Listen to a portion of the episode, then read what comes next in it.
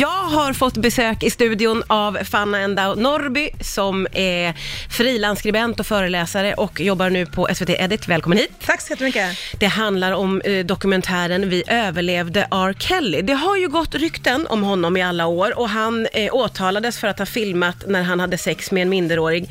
Eh, vad är det för nytt som kommer fram i den här dokumentärserien skulle du säga? Alltså förutom att de pratar väldigt mycket om alla de här ryktena, så är det ju en mängd kvinnor som har, liksom delar sina vittnesmål och sina upplevelser av honom. Och även då eh, familjemedlemmar och hans tidigare fru. Så exfrun är med. Så att det är väldigt eh, många röster. Ja, och vad är det som sägs? Han beskrivs ju som ett odjur, en predator. eh, Ofta. Rakt igenom. Ja. Vad är det kvinnorna berättar om? Så de berättar om allt. Det som jag tycker är lite fint faktiskt, det är att de berättar om att de faktiskt hade en bild av att så, det här är den här kända mannen, jag blev kär på riktigt, jag tyckte om det här, jag ville ha en karriär inom musikbranschen. Man förstår verkligen de här tjejernas hopp. Liksom. Och sen så berättar de ju då hur han blir mer och mer kontrollerande, hur han har låst in vissa tjejer, eller Vissa säger att han inte blivit, de inte har blivit inlåsta, men att de liksom har blivit så manipulerade att de inte har vågat gå. Ehm, eh, att de har varit tvungna att liksom göra vissa sexuella handlingar som de egentligen inte ville. Och, ehm, det är fruktansvärda berättelser, verkligen. Och han siktade in sig på väldigt unga tjejer. Han hängde utanför high schools och lockade till sig ja, men tjejer så unga som 12, 13, 14 år, eller hur? Mm, inte så unga som 12 tror jag, utan det är där över liksom. Ja. Men ja, alltså det är ju 14 Ja, det är ju barn det är ju alltså. Ja. Ja. Eh, och så pass många. Hur kommer det sig att de pratar om det här nu? Alltså jag tror att det här har att göra med metoo-rörelsen. Eh, det har ju varit så himla stora påtryckningar från liksom Hollywood och andra, och andra artister och sådär. Eh, eller påtryckningar mot dem. Så att, eh, jag tror att det är det som har gett de här kvinnorna mod. Ja. Eh, grundaren till metoo, Tarana Burke, är också med i den här dokumentären och pratar om, om just det. Eh, så att, eh, jag tror att det verkligen är en dokumentär som kanske inte hade kunnat göras någon annan gång än just nu. Nej. Vi pratar om eh, den omtalade dokumentären Vi överlevde R. Kelly, där eh, många kvinnor eh, träder fram och berättar om att han har betett sig mer eller mindre som ett odjur.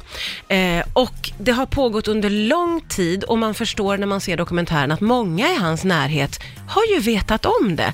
Hur har det kunnat få fortgå?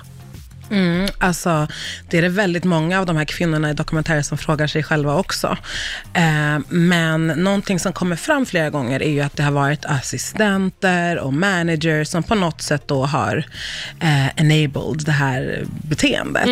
Eh, jag vet inte hur det kommer sig att så pass många andra vuxna människor eh, tillåter det här. Men man kan ju tänka sig att han har ju varit Queen, nej inte Queen, han har varit king. Han har varit king. Fast han- queen, eh, king of R&B alltså i decennium. Ja. Så att han har varit, liksom, han har bringat väldigt mycket pengar till musikindustrin, han har varit väldigt mäktig, väldigt untouchable. Jag kan tänka mig att det är det här med kändisskapet också. Att man tänker så här, men det är den här kungen vill, det får han typ. Och eh, sen så tror jag att det är flera där som inte riktigt har fattat hur illa det har varit, alltså behind locked doors, Ja. typ om man säger så. Ja. Men vi måste också säga så han är ju misstänkt för det här, um, han anklagas för det här, uh, men han är friad, han är inte dömd. Eh, så det är verkligen en balansgång när man också pratar om det här. Mm, ja, precis. Va, va, vad tänker du om det? För han har ju verkligen svurit sig fri från alla anklagelser. Mm. Alltså jag tycker att det ska bli väldigt intressant att se vad, alltså nu har han droppats från sitt skivbolag. Det ska bli intressant att se vad han och eh, de i hans corner gör med det här, Ja. gör med den här dokumentären. Ja. Ehm, vad det kommer leda till. Vad tror du att det kommer leda till? Det, det måste väl leda till någonting? Alltså jag kan ju tänka mig att det kommer komma lite stämningar. Det är ändå USA vi pratar om. Samtidigt som, vill han vara där och rucka? Alltså jag vet inte. Vad tror du? Nej, det är jättesvårt att säga om. Det, det, han har ju hela det här med att han har liksom levt ett helt liv, eh, där han verkar ha kommit undan med nästan vad som helst. Eh, Det gör ju att man tänker, hur ska det här liksom sluta? Ja, han har ju kommit undan varje gång. Liksom. Ja, Och släppt megahit efter megahit som liksom har varit så här, step in the name of love efter att han har liksom blivit anklagad för helt sjuka sexuella övergrepp. Så att så här, han är ju nog också van vid att hans fans har varit väldigt förlåtande. Ja. Eh, så jag, jag vet inte vad det är för människa det här rör sig om egentligen. Det är väldigt svårt att säga. Eh, Jag tänker att musikindustrin i sig själv har liksom eh, en, en stor del i det här. Jag tänkte vi kan prata lite om det alldeles strax. Den omtalade dokumentärserien om R. Kelly som heter Surviving R. Kelly. Lady Gaga som tonade ut där har samarbetat med R. Kelly, men tagit avstånd. Ja, precis. Det är en rad artister som har gjort det nu. Ja. Eh, Men jag tycker också att det är lite intressant för att de här ryktena och liksom att han blev fri och så, det har ju florerat hur länge som helst. Så de gjorde ju ändå den här Do what you want with my body-låten när det var, redan var välkänt att han hade den här, många hade den här bilden av honom.